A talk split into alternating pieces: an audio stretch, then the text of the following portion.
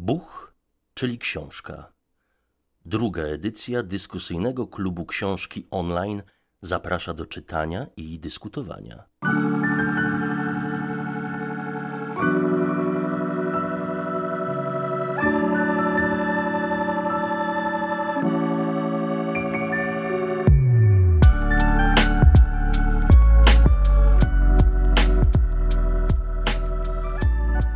Dzień dobry. Z tej strony Natalia Prufer, Buch, czyli książka.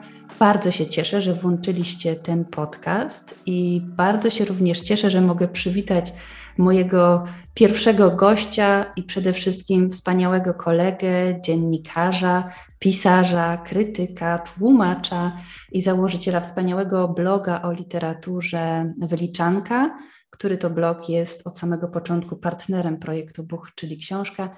Marcina Wilka. Cześć Marcin, jesteś z nami? Tak, cześć, cześć z Krakowa. Cześć, cześć z Krakowa. Berlin pozdrawia serdecznie. Jak tam w Krakowie? Co słychać? Dawno się nie widzieliśmy chyba jakoś w zimie, prawda? No, trochę się pogoda zmieniła od tego czasu. Całe szczęście.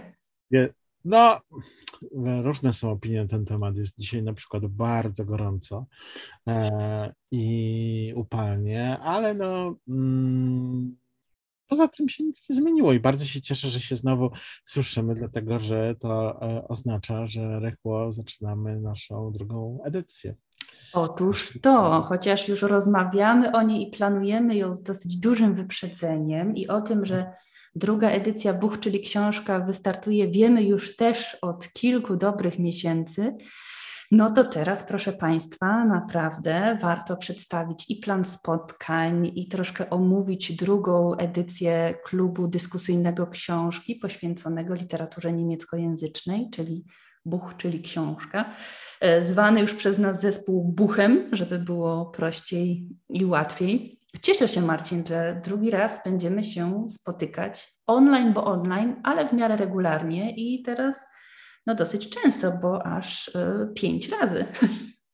Te online spotkania mają e, dużo oczywistych minusów. Jeden z nich to jest taki, że wszyscy jesteśmy jest takie nawet pojęcie ukute chyba Zoom fatigue, mm. zmęczeni komunikowaniem y, online y, i bardzo pragniemy, zwłaszcza po latach y, pandemicznych, dosyć mrocznych, takich spotkań na żywo, ale też ma sporo plusów, no, z których chyba tym najważniejszym jest to, że jesteśmy w pewien sposób demokratyczni, to znaczy poza łączem internetowym w miarę akceptowalnym, takim, które pozwoli uczestniczyć w dyskusji, można być w dowolnym miejscu e, na Ziemi i się łączyć z nami, co zresztą w tej pierwszej edycji także się sprawdziło, bo gdybyśmy zrobili sobie taką mapkę ze szpileczkami, z których miejsc pochodzi, pochodziły osoby uczestniczące w dyskusjach, no to e, myślę, że mm, to by był nie tylko Berlin i Kraków, nie, ale, absolutnie ale, także, ale także właśnie inne, inne miejsca i to, jest, i to jest świetne. Pozdrawiamy naszego fana z Wielkiej Brytanii na przykład, na pewno będzie wiedział e, o kim mowa. Tak, masz rację. Ja pamiętam nawet, że mieliśmy uczestniczkę z Norwegii albo z Czech, e, z Niemiec, absolutnie nie tylko z Berlina, ale również z innych miast. Natomiast w Polsce, bo sprawdzałam później troszkę w naszych statystykach i mieliśmy też taką e, ankietę, mm, no to mieliśmy również e, gości, na przykład uczestników z Warszawy, ze Szczecina i z innych miast, więc pod tym względem, moim zdaniem, te spotkania online jak najbardziej spełniają swoją rolę. No a poza tym, Marcinie drogi, no kto wie, jak będzie wyglądała jesień i zima tego roku, prawda? No, mm, nawet nie chcę o tym myśleć. No właśnie. Um, trochę się u nas zmieniło i też chciałam z Tobą o tym porozmawiać, chociaż już na pewno jesteś świadom tych y, zmian, ale może Państwo, nasi stali uczestnicy albo osoby, które chciałyby do nas dołączyć, jeszcze o tym nie wiedzą. Mm, głównym organizatorem projektu Buch, czyli książka, jest wciąż wspaniała Sprachkafe Polnisch z Berlina. Bardzo dziękuję kafejce za wsparcie i za to, że wciąż otacza nas e, swoją opieką. Miło mi się z nimi współpracuje. Partnerem po stronie polskiej jest Fundacja Poemat, również y, drugi raz, ponieważ ta współpraca się też jak najbardziej sprawdziła. A finansuje nas, czy współfinansuje nas y, Fundacja Współpracy Polsko-Niemieckiej, więc tutaj też się wiele nie zmieniło, mm, co moim zdaniem świadczy tylko o tym, że ta pierwsza edycja się udała i że wszystko się odbyło tak zgodnie z planem i mm, wszyscy byliśmy zadowoleni, usatysfakcjonowani, że bez problemu udało się zorganizować drugą edycję. No i kiedy ruszamy? Pamiętasz, Marcin? Tak, ja tutaj mam po prostu wydrukowany na plan spotkaniach no nie wiem nawet jakiego tutaj porównania użyć. No w każdym razie jest jak obowiązkowa lista e, zakupów do pobliskiego delikatesu. Tak jest, tak. doskonałe e, porównanie. e, więc no niebawem, e, patrząc z perspektywy dnia, w którym nagrywamy, to mniej niż miesiąc, bo 13 września, moja droga. I to jest mm -hmm. Twoje spotkanie. Twoje w sensie, my się podzieliliśmy, tutaj trzeba wyjaśnić na tak, niemiecką. Oczywiście E, niemiecką e, klasyczną i literaturę i niemiecką najnowszą. To zresztą się nazywa najnowsze po niemiecku i klasyka po niemiecku. I też demokratycznie tak zrobiliśmy, że dwa spotkania e, z literaturą współczesną, dwa spotkania z literaturą klasyczną. Oczywiście tutaj możemy dyskutować, może zresztą za chwilę o tym podyskutujemy, jak rozumieć klasyczną, mm -hmm. zwłaszcza literaturę i współczesną, bo to są bardzo no, takie e, otwarte kwestie. E, w każdym razie 13 września o godzinie 19 dyskusja wokół książki Duchy z miasteczka Demin e, w przekładzie Małgorzaty Granińskiej. To jest książka wydana po polsku w tym roku przez książkowe klimaty młodej, bardzo interesującej, ty więcej o tym zaraz powiesz, Wereny Kessler. Tak jest. I może właśnie zanim powiemy mm, więcej o autorce i o powieści, to w ogóle wytłumaczę, o co chodzi w tym wszystkim, tak? Główną ideą, takim założeniem dyskusyjnego klubu książki online o literaturze niemieckojęzycznej jest to, że przygotowaliśmy z Marcinem dla Was mm, listę lektur. W tym roku są to cztery książki. W zeszłym roku było ich sześć, w tym roku są to cztery książki. I zapraszamy Was do lektury tychże książek mm, po to, żeby określonego dnia, określonej godzinie, tak jak już Marcin wspomniał, pierwsze spotkanie, powtarzam, 13 września o godzinie 19, spotkać się online na Zoomie, po to, żeby o tej książce po prostu luźno, wygodnie porozmawiać.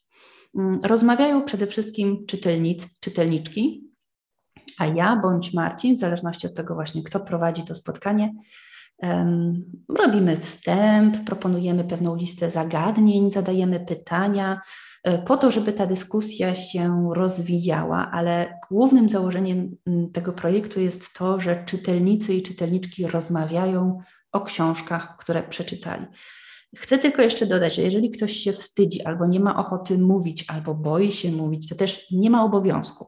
Wystarczy, że jest z nami, że się przysłuchuje albo napisze coś na czacie i to też jak najbardziej wystarcza. Jedyne o co proszę i ja i jestem pewna, że Marcin by y, również o to prosił, żebyśmy jednak wszyscy książkę już mieli przeczytaną, żebyśmy mogli y, y, rozmawiać naprawdę o jej treści, żeby to nie był żaden spoiler albo żeby ktoś się później nie obruszył, że wygadaliśmy wszystko, opowiedzieliśmy o wszystkim to jednak powinny być książki, które już y, znamy i czytaliśmy.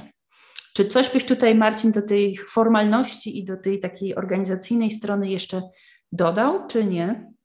No, wydaje mi się, że najważniejsze jest też przypomnieć, że e, obowiązuje, no jakby to jest logiczne, obowiązuje, obowiązują zapisy i najlepiej to robić, najwygodniej to robić przez stronę buch, czyli książka.org, bo to chyba tak nie padło.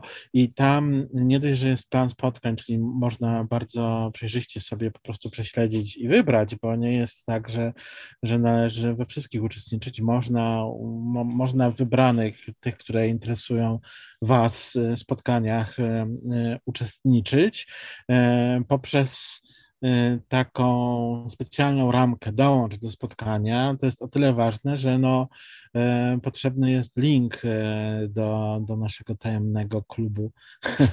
Tajemnego klubu. Zoom, zoomowego. No i chyba jeszcze dodam to, że mm, ty to powiedziałeś w zasadzie, ale można jeszcze tak kontekstowo przypomnieć, że w zasadzie to, to, to ma formę e, takiego klasycznego klubu książkowego, mhm. czyli w miarę luźnego spotkania, w którym nie odpytujemy się z, z treści, w którym e, nie wymagamy jakiegoś mega profesjonalnego literaturoznawczego e, przygotowania, absolutnie tak nie, ani żadnego innego. E, tylko chodzi o to, by mm, spotkać się, e, by, by, by w życzliwej atmosferze słuchania, mówienia, wyrażania siebie, ale też uczenia się e, od innych, dowiadywania się, jak można spojrzeć na ten tekst z różnych perspektyw. Tymi perspektywami jest nasze doświadczenie czytelnicze, czasami też życiowe, bo wiadomo, książki się e, o książkach się mówi, myśli przez pryzmat własnych doświadczeń, e, no, żeby po prostu o tym w ten sposób porozmawiać. I to jest też najważniejsze. E, w tych spotkaniach, czyli teksty tak naprawdę są pretekstem do dosyć miłego spotkania, zadzierzgnięcia tak. znajomości, poznania się, tak. E, bo co prawda jesteśmy online, ale bardzo często jest tak, że się poznajemy właśnie dzięki, dzięki tym klubom i czasem to są znajomości, później bardzo cenne. Ja tutaj mogę się podzielić takimi doświadczeniami z dyskusyjnych klubów książkowych, które od lat prowadzę w Krakowie y, i uczestniczki, y, najwięcej to jest właśnie uczestniczek, y, bardzo często później kolegują się albo się umawiają na wspólne wizyty w mm, kinie, w teatrze, mm, koncert. Super.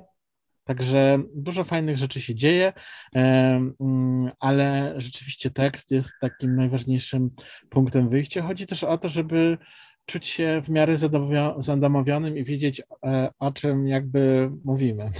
Tak, ale Marcin, tu Ci przerwę na chwilę. Zauważyłeś, że na przykład po ostatnim szóstym spotkaniu, to było w listopadzie zeszłego roku, już była taka grupa osób, które na przykład były na dwóch, trzech spotkaniach i te rozmowy już mają trochę taki, nabierają takiego innego klimatu, już rozmawiało się trochę luźniej, że tak powiem, już się znamy, zapraszaliśmy się na następne spotkania.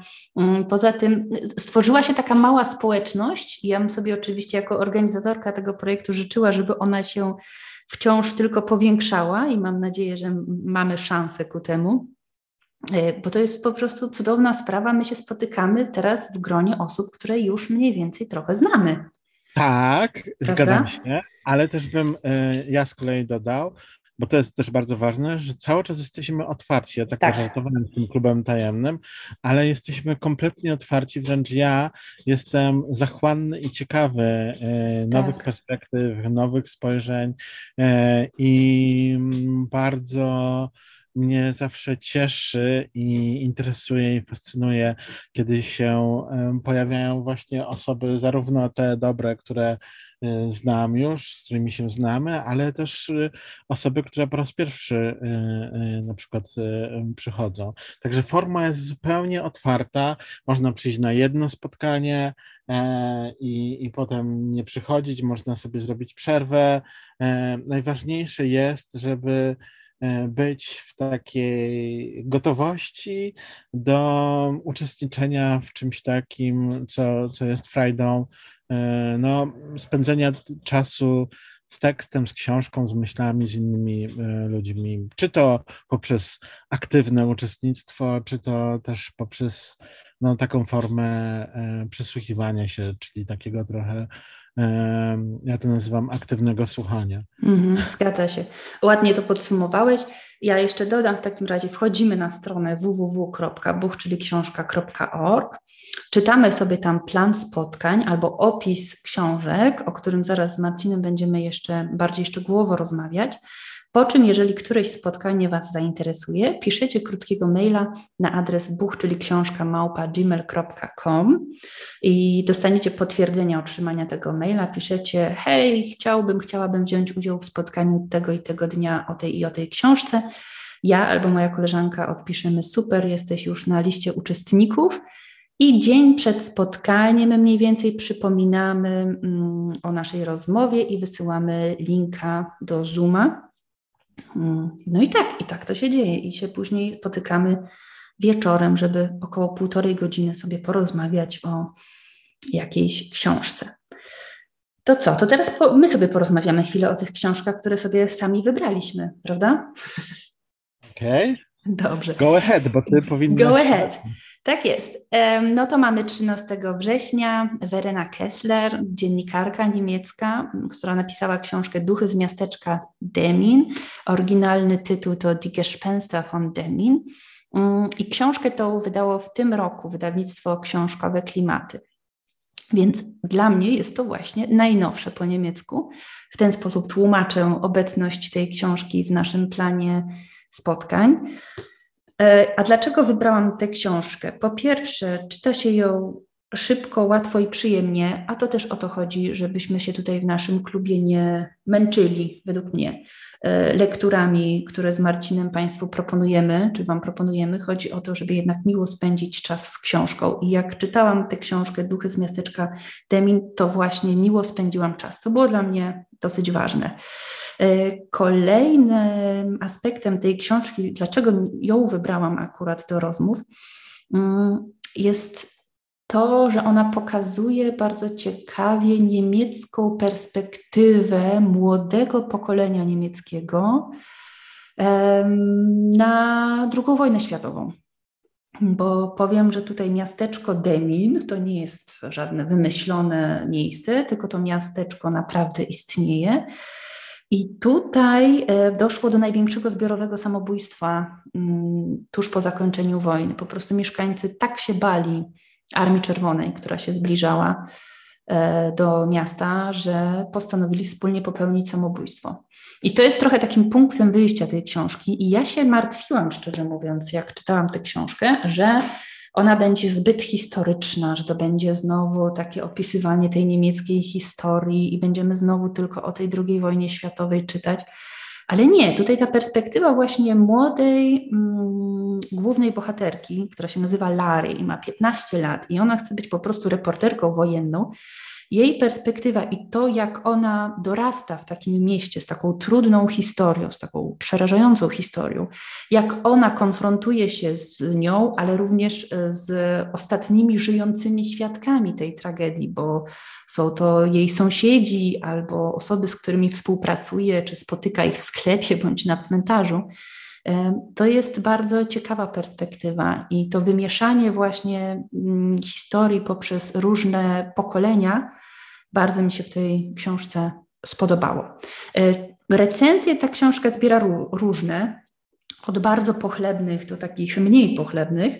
E, mi się ta książka podobała i zaproponowałam ją do klubu i cieszę się, bo można porozmawiać o niej mm, biorąc pod uwagę bardzo różne zagadnienia. Ja te zagadnienia jeszcze przygotuję i przed spotkaniem omówię, ale już bym Wam poleciła e, lekturę tej książki, ponieważ jest to książka krótka, to jest tam 240 stron, e, więc można ją przeczytać szybko i na pewno jeszcze jakbyście teraz zaczęli, to do pierwszego spotkania ją skończycie czytać. A tutaj jeszcze dodam, że taką niespodzianką po naszej rozmowie z Marcinem będzie fragment tej powieści, który będzie można wysłuchać tego fragmentu w języku polskim i w języku niemieckim. Mm, więc jeżeli nas, Was teraz na przykład już od razu interesuje, o czym ta książka, jak się ją czyta, o czym ona jest, to możecie sobie przewinąć ten podcast na ostatnie minuty i tam wysłuchacie fragmentu. W języku polskim przeczyta go Michał Staszczak, a po niemiecku ten sam fragment, ponieważ wspieramy dwujęzyczność i naukę języka niemieckiego, ten sam fragment przeczyta Josephine Haidt. To już zapraszam. Mm, a ja tyle mam do powiedzenia na temat tej pierwszej książki. No i co? Wrzesień się nie skończy, bo 27 września, czyli pod koniec miesiąca, wrzesień się nie skończy bez tego, żeby i Marcin nie poprowadził z, was, z Wami spotkania. E, no i powiedz Marcinie, jaką książkę sobie wybrałeś i dlaczego? Mm, no, yy trochę mi głupio teraz, jak ty mówisz, że na szczęście nic o wojnie i miałem ochotę polemizować, bo wydaje mi się, że mm, ciężko e, teraz wyprowadzić się z perspektywy myślenia o świecie bez wojen. Zresztą nigdy nie ma na to dobrego czasu, ale szczególnie teraz jest źle, e, e, chyba, znaczy trudno z, e, o tym nie myśleć i wojna jakby powraca do, e, na bardzo, bardzo jest nas blisko teraz i myślenie o, e, o wojnie. I trochę też z tego względu muszę e, przyznać szczerze, bardzo krytycznie i uważnie myślałem o tym, o jakich tekstach można by rozmawiać w tym takim klasycznym w klasycznej odnodze naszych spotkań, ponieważ e, klasyka to zawsze jest taki w takim obiegu e, e, ogólnym, jakby to można powiedzieć, klasyka jest e, czymś takim kojarzącym się z ogromnym mozołem, ze szkołą i tak dalej, a nam bardzo zależy na tym, żeby, mi bardzo zależy na tym, żeby klasyczne teksty czytać z uwzględnieniem współczesnej perspektywy. I z tego względu też pojawia się Thomas Mann, który z wielu zresztą powodów teraz wzbudza e, zainteresowanie, także między innymi e, z powodu tego, że Olga Tokarczuk e, nim się zajęła w swojej ostatniej mm -hmm. książce. Ale my nie będziemy rozmawiać o Czarodziejskiej Górze, będziemy rozmawiać o takim zbiorze tekstów spisanych na podstawie przemówień radiowych, E, ten zbiór się nazywa Niemieccy Słuchacze z wykrzyknikiem. Przemówienia radiowe z lat 1940-1945. E, I to jest zbiór tekstów, e, które Tomasz Mann napisał dla BBC w sytuacji jak najbardziej wojennej, w sytuacji zmieniającego się pejzażu społeczno-politycznego, polityczno-kulturowego i który to zbiór został e, wydany dość niedawno po polsku, ale, mm, ale nie jest taki już bardzo świeży, właśnie sprawdzam, 2018 rok. Nie, to jest jednak dosyć świeża sprawa. E, po raz pierwszy zresztą został opublikowany w roku 1980 e, e, więc w oryginale, e, więc trudno też mówić jakby o klasyce, bo to jest właśnie ten jeden z tych przypadków takiego nowego spojrzenia na to, co kiedyś e, powstało, ale wydaje się, że ten zbiór jest pretekstem do rozmowy właśnie o wielu różnych sprawach, to znaczy poza, poza kontekstem oczywistym, o którym już mówiłem, czyli kontekstem wojny, przede wszystkim do rozmowy na temat tego, kim my jesteśmy w tym wszystkim, bo on się zwraca e, do, do społeczeństwa, które, no właśnie, tutaj są znaki zapytania, które jest w stanie wojny kim, czym, jak, jak o tym rozmawiać, jak e, jak o tym e, e, mówić, co my możemy zrobić, co się dzieje z naszą sprawczością, czym jest naród, czym jest tożsamość narodowa.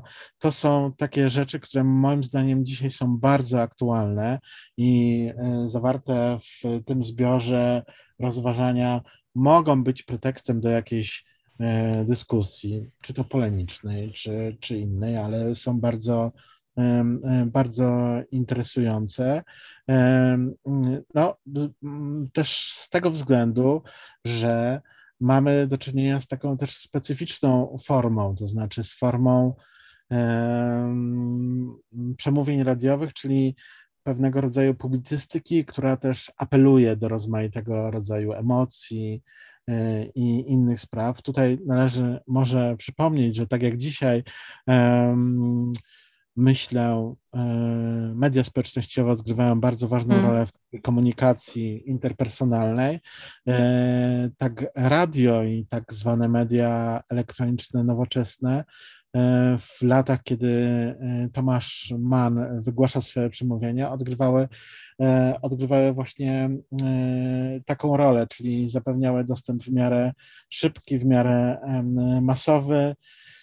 No i to też jest, i to też jest ciekawe do, do rozmowy. No i wreszcie ciekawym wątkiem, myślę, bardzo, bardzo też aktualnym z wielu względów jest próba wyobrażenia sobie, jak będzie wyglądał świat w przyszłości. Man oczywiście akcentuje przede wszystkim Niemcy, ale wydaje się, że wiele mówi też o Europie i świecie w ogóle i to też jest pytanie, e, które, które dzisiaj bardzo wiele dla nas znaczy, no bo to jest ten moment, w którym już musimy się zastanawiać, e, co dalej, jeśli poważnie myślimy e, o świecie, w nie tylko teraźniejszym, ale o przyszłości. Więc bardzo dużo wątków. E, tych wątków i aspektów jest oczywiście o wiele więcej niż tutaj tylko te wymienione przeze mnie i jak zwykle liczę na bardzo ciekawą dyskusję. W tamtym roku e, spotkania wokół klasyki przynosiły bardzo wiele inspirujących e, momentów, więc pewnie będzie tak samo i w tym roku. E, dyskusja o przemówieniach radiowych Tomasza Mana, Tomasa Mana 27 września, godzina 19 i też bardzo e, proszę oczywiście o, e, prosimy o zapisywanie się przez stronę Buch, czyli książka.org. Może jeszcze dodam, to też jest dla nas ważne, że i to będzie trochę takie podprowadzenie do tego, o czym pewnie zaraz powiemy. Przekładu dokonała fenomenalna, jedyna Małgorzata Łukasiewicz, a posłowie, no, który też bardzo dużo wyjaśnia i, i też podpowiada. Radzę też sobie czytać e, e, posłowie w przypadku, czy wstępy w przypadku książek klasycznych. E, napisał Michał Głowiński. Bardzo ładnie. Tak.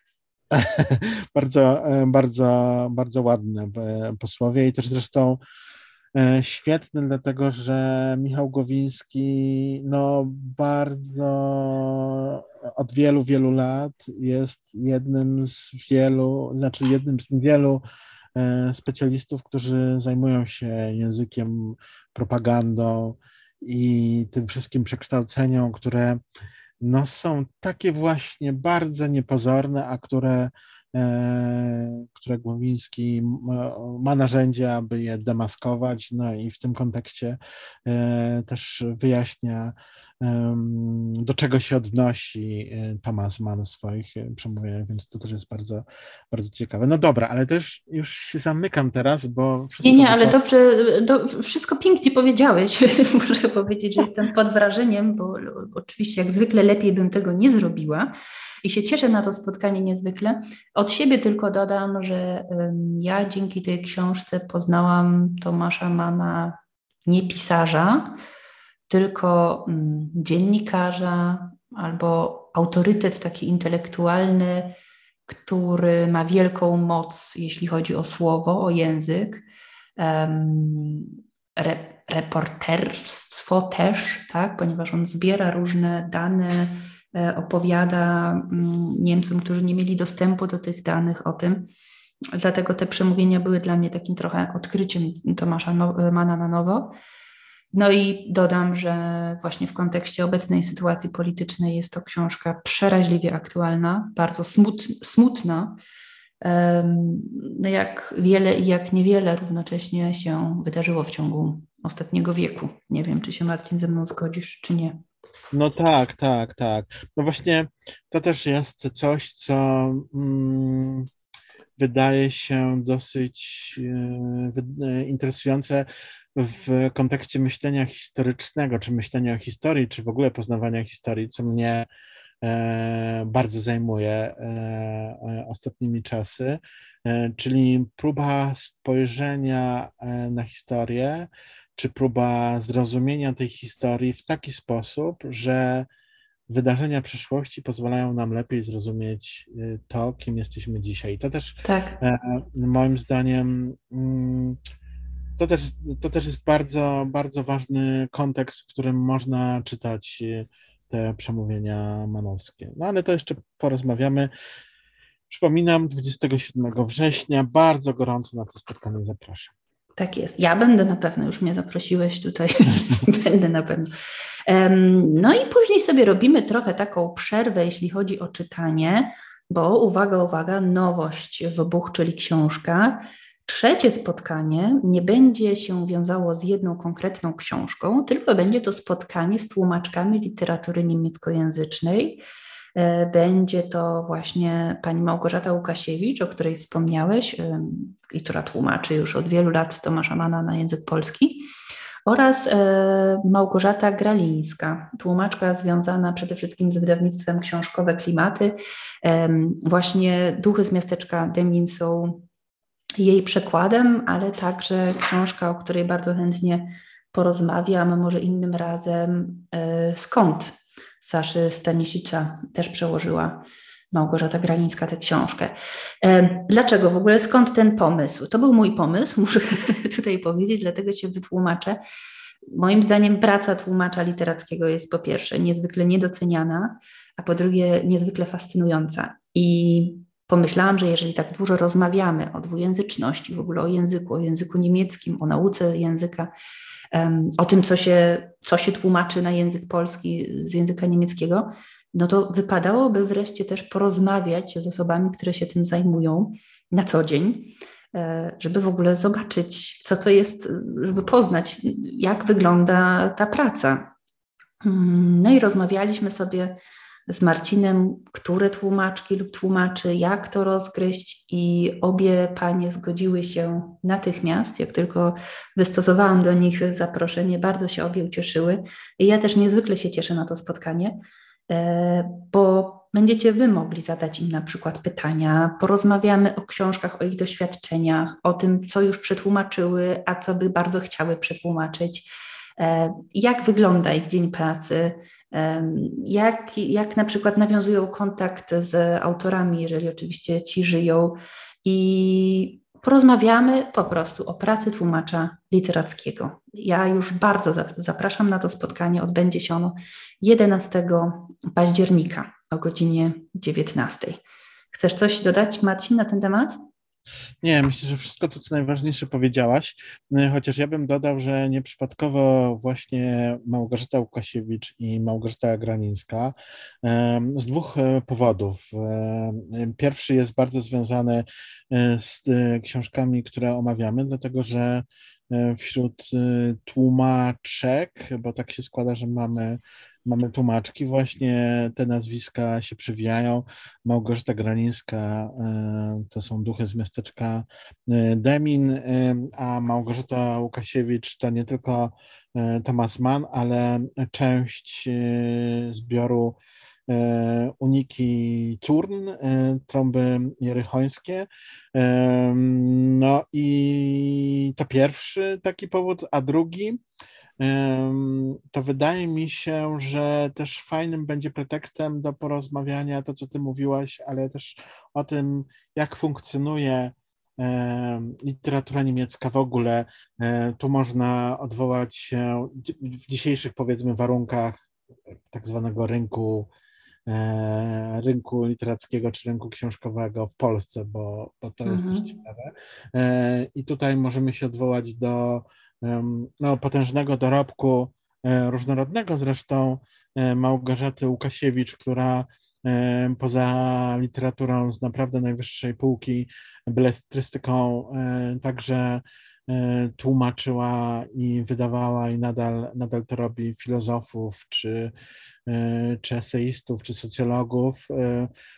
No i też to jakby jedna perspektywa e, takiego długiego trwania i, i druga perspektywa e, Małgorzaty Granińskiej, która o wiele mniejszy, ale za to już wspaniały dorobek ma na swoim koncie i która trochę też jakby może naświetlić inną perspektywę E, myślenia o tym, jak funkcjonuje literatura niemiecka e, na rynku e, literatury czy, czy książek w Polsce.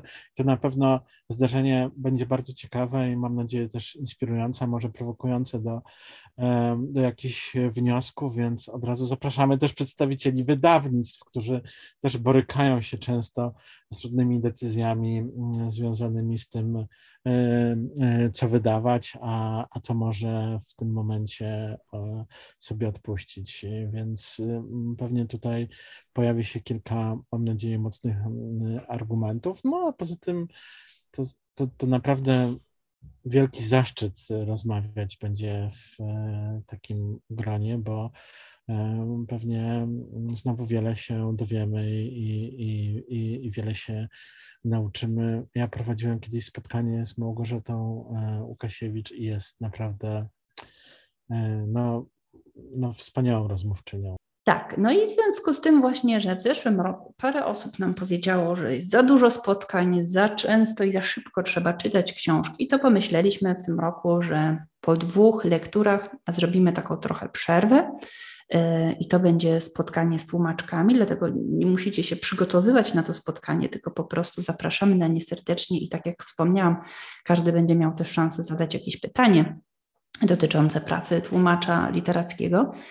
A potem 25 października o godzinie 19 mm, kolejne spotkanie i tym razem Marcin będzie moderatorem i porozmawia z Wami, a ja oczywiście będę również się przysłuchiwać i brać udział w rozmowie o książce pod tytułem Trąby Jerychońskie e, Uniki Cłon, o której już przed chwilą była mowa. Przetłumaczyła tę książkę Maryna Ochab oraz wspomniana już Małgorzata Łukasiewicz.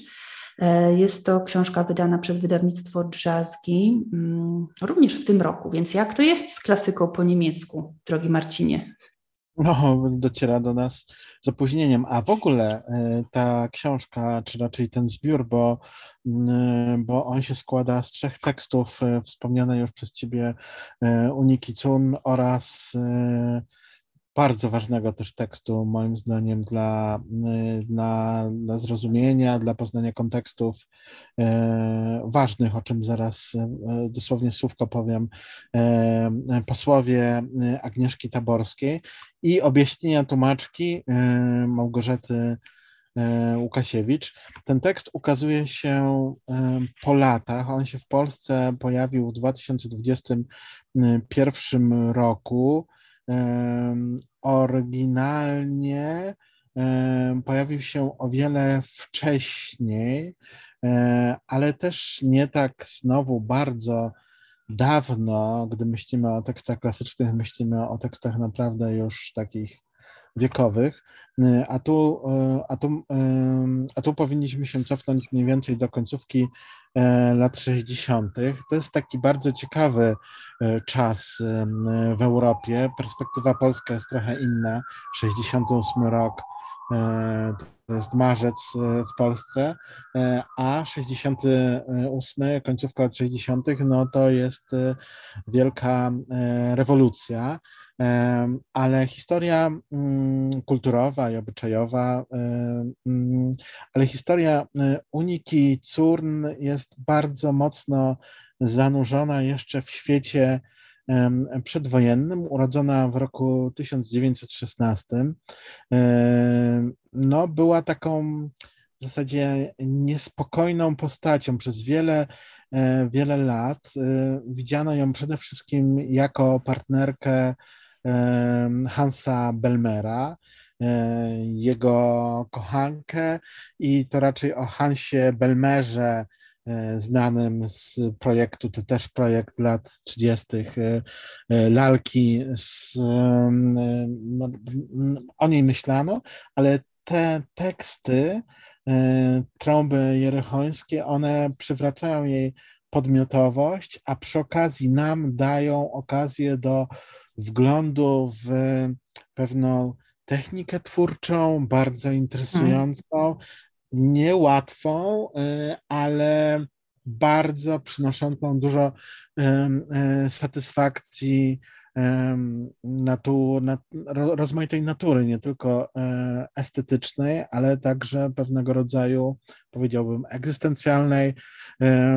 Bardzo, ważny, bardzo ważnym tematem, e, jeśli można tak powiedzieć, są kwestie e, psychologiczne, czy, czy nawet idąc dalej, zaburzeń psychologicznych, to jest także wątek bardzo mocno zanurzony w autobiografii Uniki Curn, która e, popełniła, e, popełniła samobójstwo skacząc e, z szóstego piętra wtedy, kiedy jej na, co się dowiaduje z, z posłowia, z posłowia, o którym wspomniałem, kiedy jej partner na pół sparaliżowany odmawia jej, odmawia bycia odmawia przyszłości, to znaczy zrywa z nią. I bardzo dużo takich elementów też związanych z, no, z rozpoznaniem e, pewnego rodzaju stanu psychicznego, w którym się jest na mhm. krawędzi e, e, też dojrzewania do takich absolutnych stanów, czasem też stanów maksymalnego napięcia związanego z namiętnością, z czymś, co jest traktowane często przez literaturoznawców jako szalona miłość, chociaż tutaj właśnie jest reinterpretacja tych różnych wątków od takiej strony nowoczesnej, bo tutaj też należy, myślę, powiedzieć, że E, zwłaszcza ten pierwszy tekst e, z tego zbioru, czyli Ciemna Wiosna, to był tekst kultowy dla francuskich feministek. Agnieszka Taborska pisze o tym tekście, że to jest studium dojrzewania i początków choroby psychicznej. To mówię tak dla zachęty, która to dziwnie brzmi, że to jest zachęta, ale w tych tekstach tyle bulgocze. E, one są po prostu jak e, taka e, rozrywająca nasz spokój, lawa, która się po prostu na nas wylewa i która nas pochłania, która nas fascynuje, która znowu, jak w przypadku Mana, prowokuje do zadania różnego rodzaju pytań innych, innego rodzaju, ale też wydaje mi się nie tylko, że bardzo ważnych, ale i aktualnych, e, uniwersalnych, e, a myślę, że dla wielu również bardzo, bardzo, e, bardzo współczesnych, zwłaszcza, że dzisiaj kwestie mm, tak zwanej normy psychicznej, zdrowia psychicznego, cierpienia związanego z depresją czy innego rodzaju zdiagnozowanymi zaburzeniami lub z nie, niezdiagnozowanymi znowu powracają E, do nas, no przede wszystkim e, przez jako pewnego rodzaju ponure dziedzictwo tych e, pandemicznych miesięcy, czy, czy nawet lat, ale też jako rodzaj no, takiej kondycji egzystencjalnej, z którą musimy się mierzyć w świecie. Z jednej strony dobrobytu, a z drugiej strony no, pewnego rodzaju niepewności, samotności, E, i innego rodzaju, także, e, także innego rodzaju przeobrażeń kulturowych, które sprawiają, że, czy społecznych, które sprawiają, że e, ludzie bardzo często stają przed ogromnym wyzwaniem zdefiniowania te, takiej podstawowej kwestii i odpowiedzi na pytanie tym, kim są w świecie, jaka jest ich wartość, jaka jest ich sprawczość. To dotyczy zwłaszcza tych, e, którzy nie dzierżą władzy. Ten temat w przypadku kobiet ma jeszcze, ma jeszcze inny walor, ale, ale, ale też myślę, że można go rozciągnąć w ogóle na, e, na wiele rozmaitych e, mm, istnień, nie tylko zresztą ludzkich, bo, bo, bo to też będzie ciekawy wątek do, do, do, do, do interpretowania. W każdym razie bardzo interesująca, bardzo inspirująca, bardzo świeża na swój sposób, ale też bardzo ważna przez, przez to, że nadrabiamy pewnego rodzaju lekcje nieodrobioną z literatury surrealistycznej, mm, no to jest właśnie, to jest właśnie lektura Uniki Cór i Trąbierechońskich. Też jestem bardzo ciekawy, jak, jak będzie wyglądała dyskusja na ten temat. Umówieni jesteśmy, proszę sobie zapisać w kajecikach, zaznaczyć w kalendarzach 25 października jak zwykle godzina 19 i znowu tutaj bardzo pomocna będzie strona e, buch, czyli książka.org, dlatego że e, tam znajduje się specjalna, specjalny prostokącik fioletowy, dzięki któremu można dołączyć do spotkania, zapisać się na nie i, i dostać link e,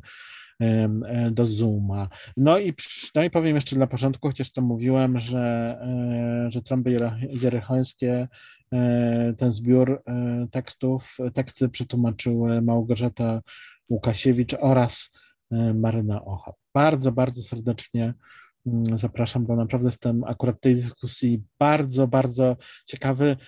Dodam na koniec, że te trąby jerychońskie samego mnie zaskoczyły, bo ja w ogóle nie znałem tej historii i, i to było trochę takie, najpierw widzę trąby irachońskie, myślę, co to w ogóle jest? Nie znam, naprawdę nie miałem pojęcia.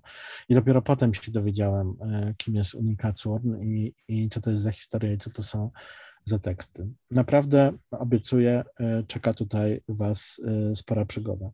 Mm, zgadzam się. Dodam od siebie że tutaj znowu łączy nam się dyskusja z tą książką z rozmową z tłumaczkami, ponieważ ja byłam bardzo, mm, jakby to powiedzieć, pod wrażeniem, czy w ogóle no byłam, jestem cały czas, e, na czym polega rola tłumacza literackiego, szczególnie jak się czyta takie opowiadania jak Mężczyzna w jaśminach Uniki mm, Cun, gdzie jest na przykład bardzo dużo anagramów jak tłumaczy się z języka obcego na język polski anagramy na przykład. A, no tak. No tak. E, I na pewno zadam to pytanie pani Małgorzacie Łukasiewicz, już się może na to przygotowywać. Mm, a poza tym, tak jak wspominałeś, e, wielką też moim zdaniem zaletą e, tej książki, czy inaczej, wydania tej książki w języku polskim jest to, że mamy styczność z czymś takim jak literatura surrealistyczna. No, ja do tej pory się zawsze zmierzałam z, z, z, innymi sztukami, na przykład wizualnymi, czy z, nie wiem, obrazami, rysunkami, grafikami surrealistów, ale nie z literaturą. Mm, I to jest dla mnie też bardzo ważne, jeśli chodzi o tę, o tę książkę i też się cieszę na to spotkanie.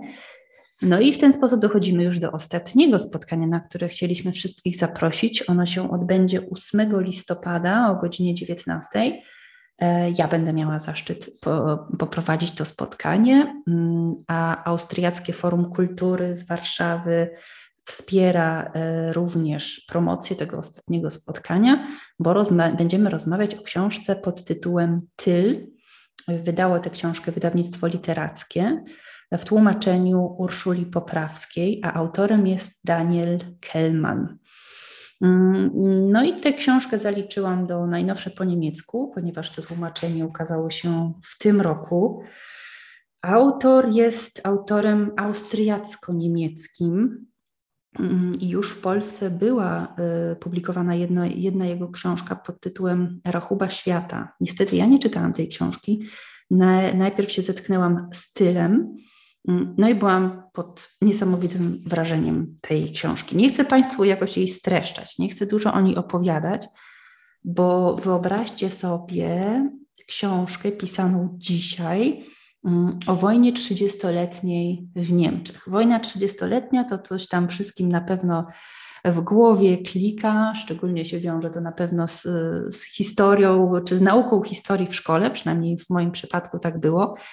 No a dla Niemiec, dla kultury niemieckiej, dla historii Niemiec wojna 30-letnia miała olbrzymie znaczenie. I Daniel Kellman oprócz tego, że porusza wątki historyczne, to robi to w taki sposób, że w pewnym momencie nie wiemy, co tu jest fikcją, a co jest historią, które postacie są prawdziwe, a które są przez niego wymyślone. Mm, jest bardzo dużo magii, bardzo dużo tricksterstwa w tej książce, bardzo dużo błazenady, poczucia humoru, ale to wszystko jest spięte pięknymi, takimi bardzo mądrymi klamrami. E, I nie wiem, czy tę książkę można nazwać powieścią historyczną. Tutaj mam właśnie z tym problem. Niemniej ja się bardzo wiele z niej nauczyłam.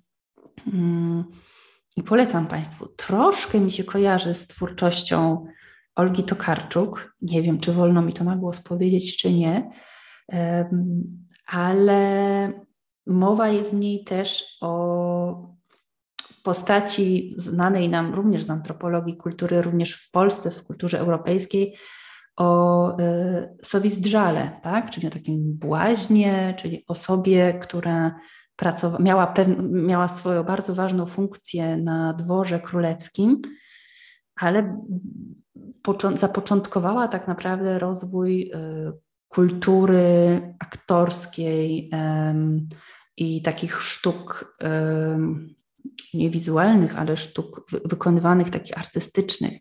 Wydaje się z jednej strony, że miało być śmiesznie i miało być cyrkowo, ale drugie dno jest zupełnie inne. Miało być jak najbardziej poważnie i miało to przemawiać ludowi i również panującym nad tym ludem mm, do rozsądku. I o tym jest ta książka. Więc jest i groźnie, i śmiesznie. Jest dużo o kulturze i o historii Niemiec, E, I jest bardzo mądrze. Bardzo polecam tę książkę. Nie wiem, Marcinie, czy już ją czytałeś, czy jeszcze nie masz trochę czasu, bo do 8 listopada. Przymierzam się do niej, ale. E, zachęcam, naprawdę szczerze zachęcam. Powiem Ci, że bardzo dużo o niej czytałem, dlatego że. To był ogromny hit przed e, wieloma, nie tak wieloma chyba też, ale no kilkoma laty w, w Niemczech. Niemczech. Mhm, tak. tak, i pamiętam bardzo dużo artykułów, bardzo dużo recenzji. Pamiętam też taki spektakularny, olbrzymi wywiad z nim w Die Zeit. Mhm. E, bardzo, bardzo też fascynujące rzeczy po prostu mówił. To zresztą jest taki autor, mm, którego, który jest niedoceniany w Polsce e, e, chyba, a szkoda. Jestem bardzo ciekaw, jak sobie ten e, tyl poradzi, no bo, no bo w Niemczech no to był absolutny bestseller, tego się ty wiesz pewnie lepiej, albo nie, mm. ile się tego sprzedało, ale to były jakieś potężne ilości. A w Polsce. Hmm, Mhm, mhm. Szkoda, bo widziałem, bo ten tyl już jakoś jest od jakiegoś czasu, ale, ale nie widziałem. Też inna sprawa, ty masz rację, że historia um, wojny 30-letniej to jest historia pamięci kulturowej ważnej dla Niemiec. Dla Niemców, tak jest. Tak, e, ale w Polsce no nie. No, no nie. Jednak nie ma tego kontekstu e, pamięci kulturowej i pewnie też o to chodzi. Tak Niemniej można się naprawdę wiele z tej książki dowiedzieć, tak. nauczyć, e, poznać e, kulisy no, wojny między katolikami a ewangelikami. E, nie, naprawdę jest to mądra lektura. Mm, nie jest to zmarnowany czas, gdy czyta się taką książkę, naprawdę. No i co? I w ten sposób prze, prze, porozmawialiśmy z Wami o książkach, omówiliśmy książki, o których chcemy z Wami rozmawiać, więc zachęcamy do ich lektury. Są to książki raczej łatwo dostępne do kupienia bądź zamówienia przez internet, bądź do wypożyczenia. Mam naprawdę nadzieję, że nie powinno być żadnych problemów ze zdobyciem tych książek.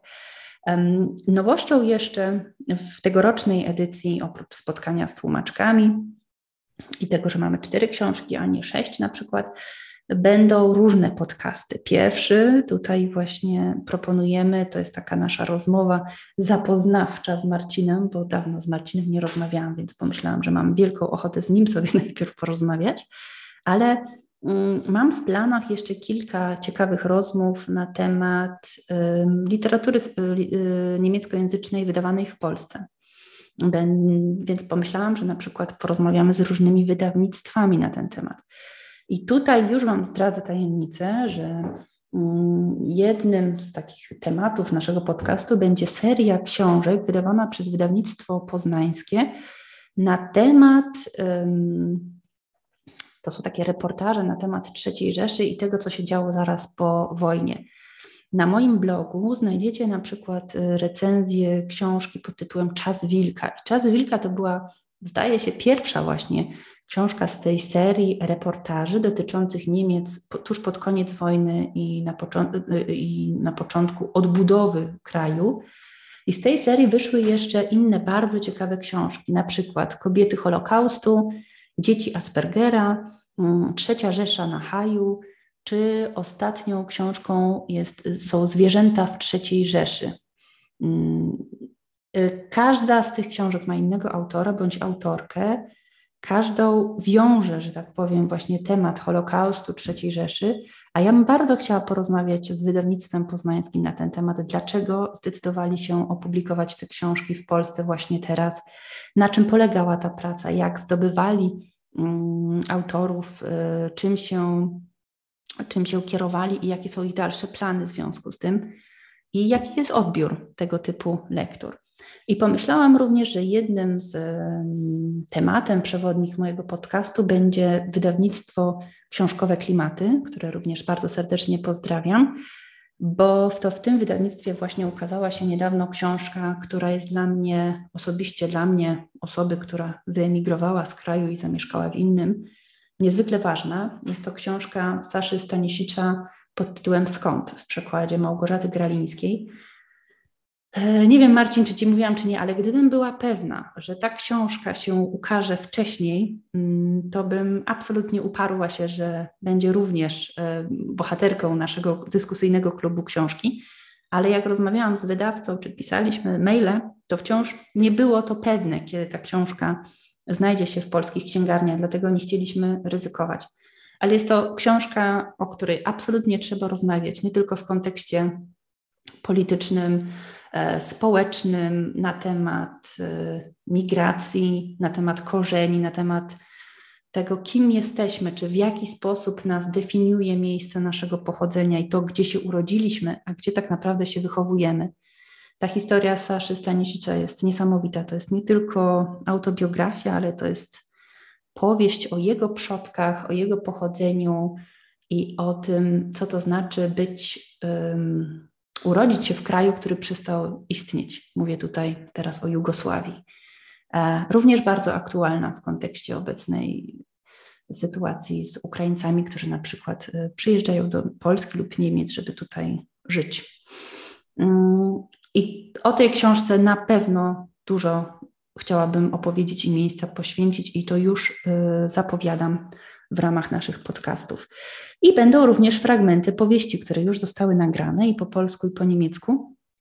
I nawet teraz, zaraz, już tak jak powiedziałam, na zakończenie tej pierwszej naszej rozmowy z Marcinem, y, będziemy mogli wysłuchać fragmentu książki Duchy z miasteczka Demin Wereny Kessler w wykonaniu w języku polskim Michała Staszczaka, a po niemiecku ten sam fragment czyta Josephine Hyde.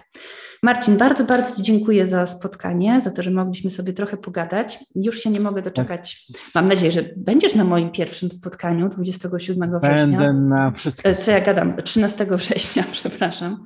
Będę na wszystkich. Super, bardzo się cieszę. To się będziemy widzieć, chociaż online, ale się będziemy widzieć. Zapraszam wszystkich i uczestników i uczestniczki, którzy brali udział w naszych spotkaniach w zeszłym roku i tych, którzy może mają jeszcze jakieś wątpliwości, zawsze można do mnie napisać e, buch, czyli książka małpa gmail.com, to jest adres mailowy, e, na pewno się zgłoszę i jeżeli, jeżeli napiszecie, a bardzo, bardzo zapraszam na te nasze spotkania, bo one są przemiłe, mądre i to jest ciekawy i dobry pomysł, żeby spędzić te półtorej godziny więcej przed komputerem na jesieni i w zimie, kiedy to nie wiadomo, jaka będzie sytuacja i co będziemy robili i co się będzie działo. Dziękuję bardzo, zapraszam do wysłuchania fragmentu powieści i słyszymy się i widzimy na Zoomie niedługo. Dzięki. Dzięki. Na razie. Cześć. Dzięki. Buch, czyli książka, zaprasza do wysłuchania fragmentu książki pod tytułem Duchy z miasteczka Demin autorstwa Wereny Kessler w przekładzie Małgorzaty Gralińskiej. Wydawnictwo książkowe Klimaty i artrage.pl Projekt został sfinansowany przez Fundację Współpracy Polsko-Niemieckiej. Czyta Michał Staszczak. 37 minut to mój rekord. Tyle udaje mi się zwisać do góry nogami z jabłoni. Niestety to wciąż daleko od celu, który sobie wyznaczyłam. David Blaine wisiał raz 60 godzin głową w dół w Central Parku. Trzy dni i dwie noce na stalowej linie. Oczy wyskoczyły mu z orbit, mógł nawet oślepnąć. Trudność polega nie tylko na tym, że cała krew spływa do głowy, ale też na tym, że organy naciskają na płuca, co powoduje problemy z oddychaniem. Poza tym, na skutek zbyt małej ilości doprowadzanej krwi, po jakimś czasie zaczynasz odczuwać mrowienie w nogach. Ogólnie rzecz biorąc, nie jest to zbyt przyjemne. Jasna sprawa, w końcu to jedna z metod tortur. I właśnie dlatego muszę ćwiczyć. Bo to wcale nie takie nieprawdopodobne, że kiedyś w życiu zostanę poddana torturom. Dziś jest szaro i zimno. Na pewno nie ma więcej niż zero stopni. T-shirt zsunął mi się aż do piersi.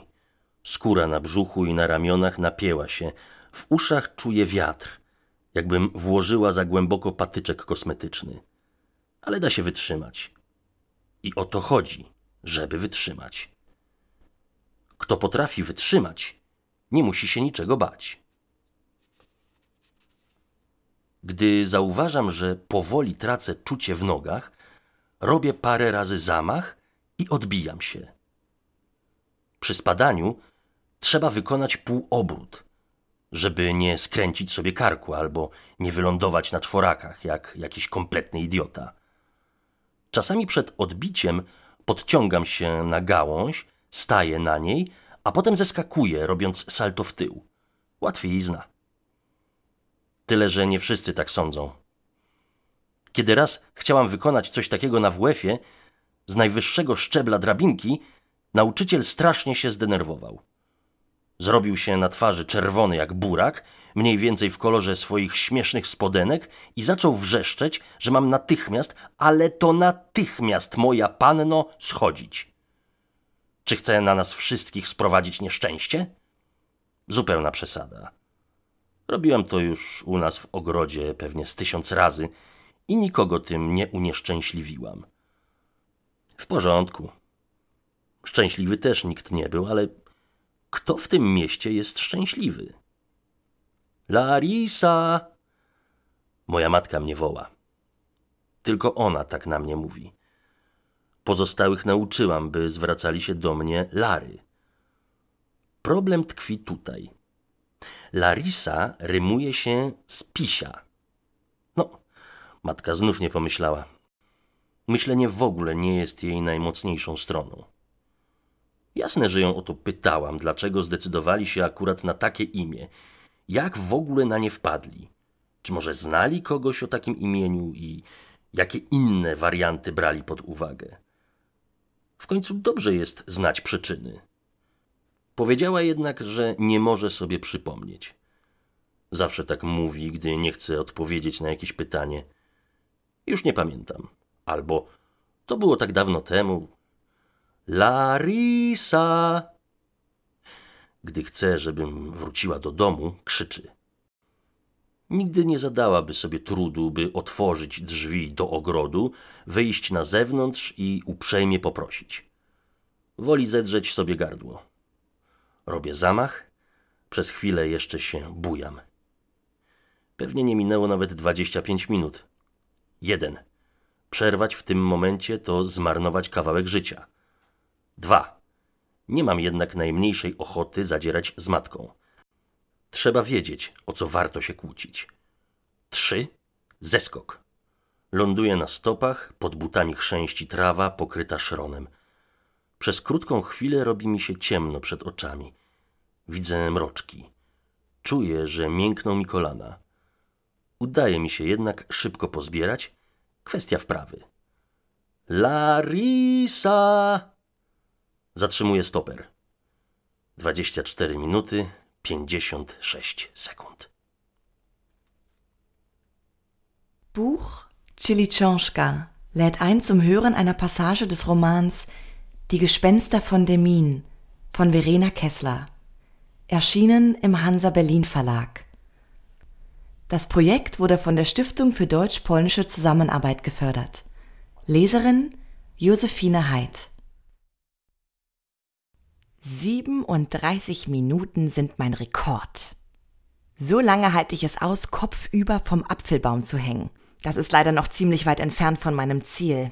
David Blaine hing mal 60 Stunden kopfüber im Central Park. Drei Tage und zwei Nächte an einem Drahtseil. Die Augen sind ihm aus dem Kopf gequollen. Der hätte blind werden können. Das Problem ist aber nicht nur, dass einem das ganze Blut in den Kopf läuft, sondern auch, dass die Organe auf die Lunge drücken und man nicht so gut Luft bekommt. Außerdem fangen nach einer Weile die Beine an zu kribbeln, weil zu wenig Blut drin ist. Insgesamt ist die Sache nicht besonders angenehm. Klar, ist ja auch eine Foltermethode. Und genau deshalb muss ich das üben. Ist nämlich gar nicht mal so unwahrscheinlich, dass ich in meinem Leben irgendwann gefoltert werde. Es ist grau heute und kalt. Bestimmt sind es keine null Grad. Mein T-Shirt ist mir bis zur Brust gerutscht und die nackte Haut am Bauch und an den Armen spannt. Der Wind in den Ohren fühlt sich an, als hätte ich mir ein Wattestäbchen zu tief reingesteckt. Aber es ist auszuhalten. Und darum geht es. Ums Aushalten. Wer aushalten kann, muss vor gar nichts Angst haben. Wenn ich merke, dass ich langsam das Gefühl in meinen Beinen verliere, hole ich ein paar Mal Schwung und stoße mich ab. Man muss im Fallen eine halbe Drehung machen, damit man sich nicht das Genick bricht oder wie ein Vollidiot auf allen Vieren landet. Manchmal ziehe ich mich auch vor dem Absprung auf den Ast hoch, stelle mich hin und mache dann einen Rückwärtssalto runter. Einfache Sache. Sieht aber nicht jeder so. Als ich das mal im Sportunterricht machen wollte, von der obersten Stufe der Sprossenwand runter, hat sich mein Sportlehrer total aufgeregt, hatte einen knallroten Kopf bekommen, ungefähr in der Farbe seiner lächerlichen Turnhose, und gebrüllt, dass ich da sofort, aber sofort, Fräulein, wieder runterkommen soll. Und ob ich uns alle unglücklich machen will. Völlig übertrieben. Ich habe das hier bei uns im Garten bestimmt schon tausendmal gemacht und keiner war unglücklich. Gut, glücklich war auch keiner. Aber wer in dieser Stadt ist schon glücklich? Larissa! Meine Mutter ruft mich. Sie ist die Einzige, die mich so nennt. Allen anderen habe ich beigebracht, Larry zu sagen. Das Problem mit Larissa ist nämlich, dass es sich auf Pisser reimt. Hat meine Mutter mal wieder nicht nachgedacht. Denken ist insgesamt nicht so ihr Ding.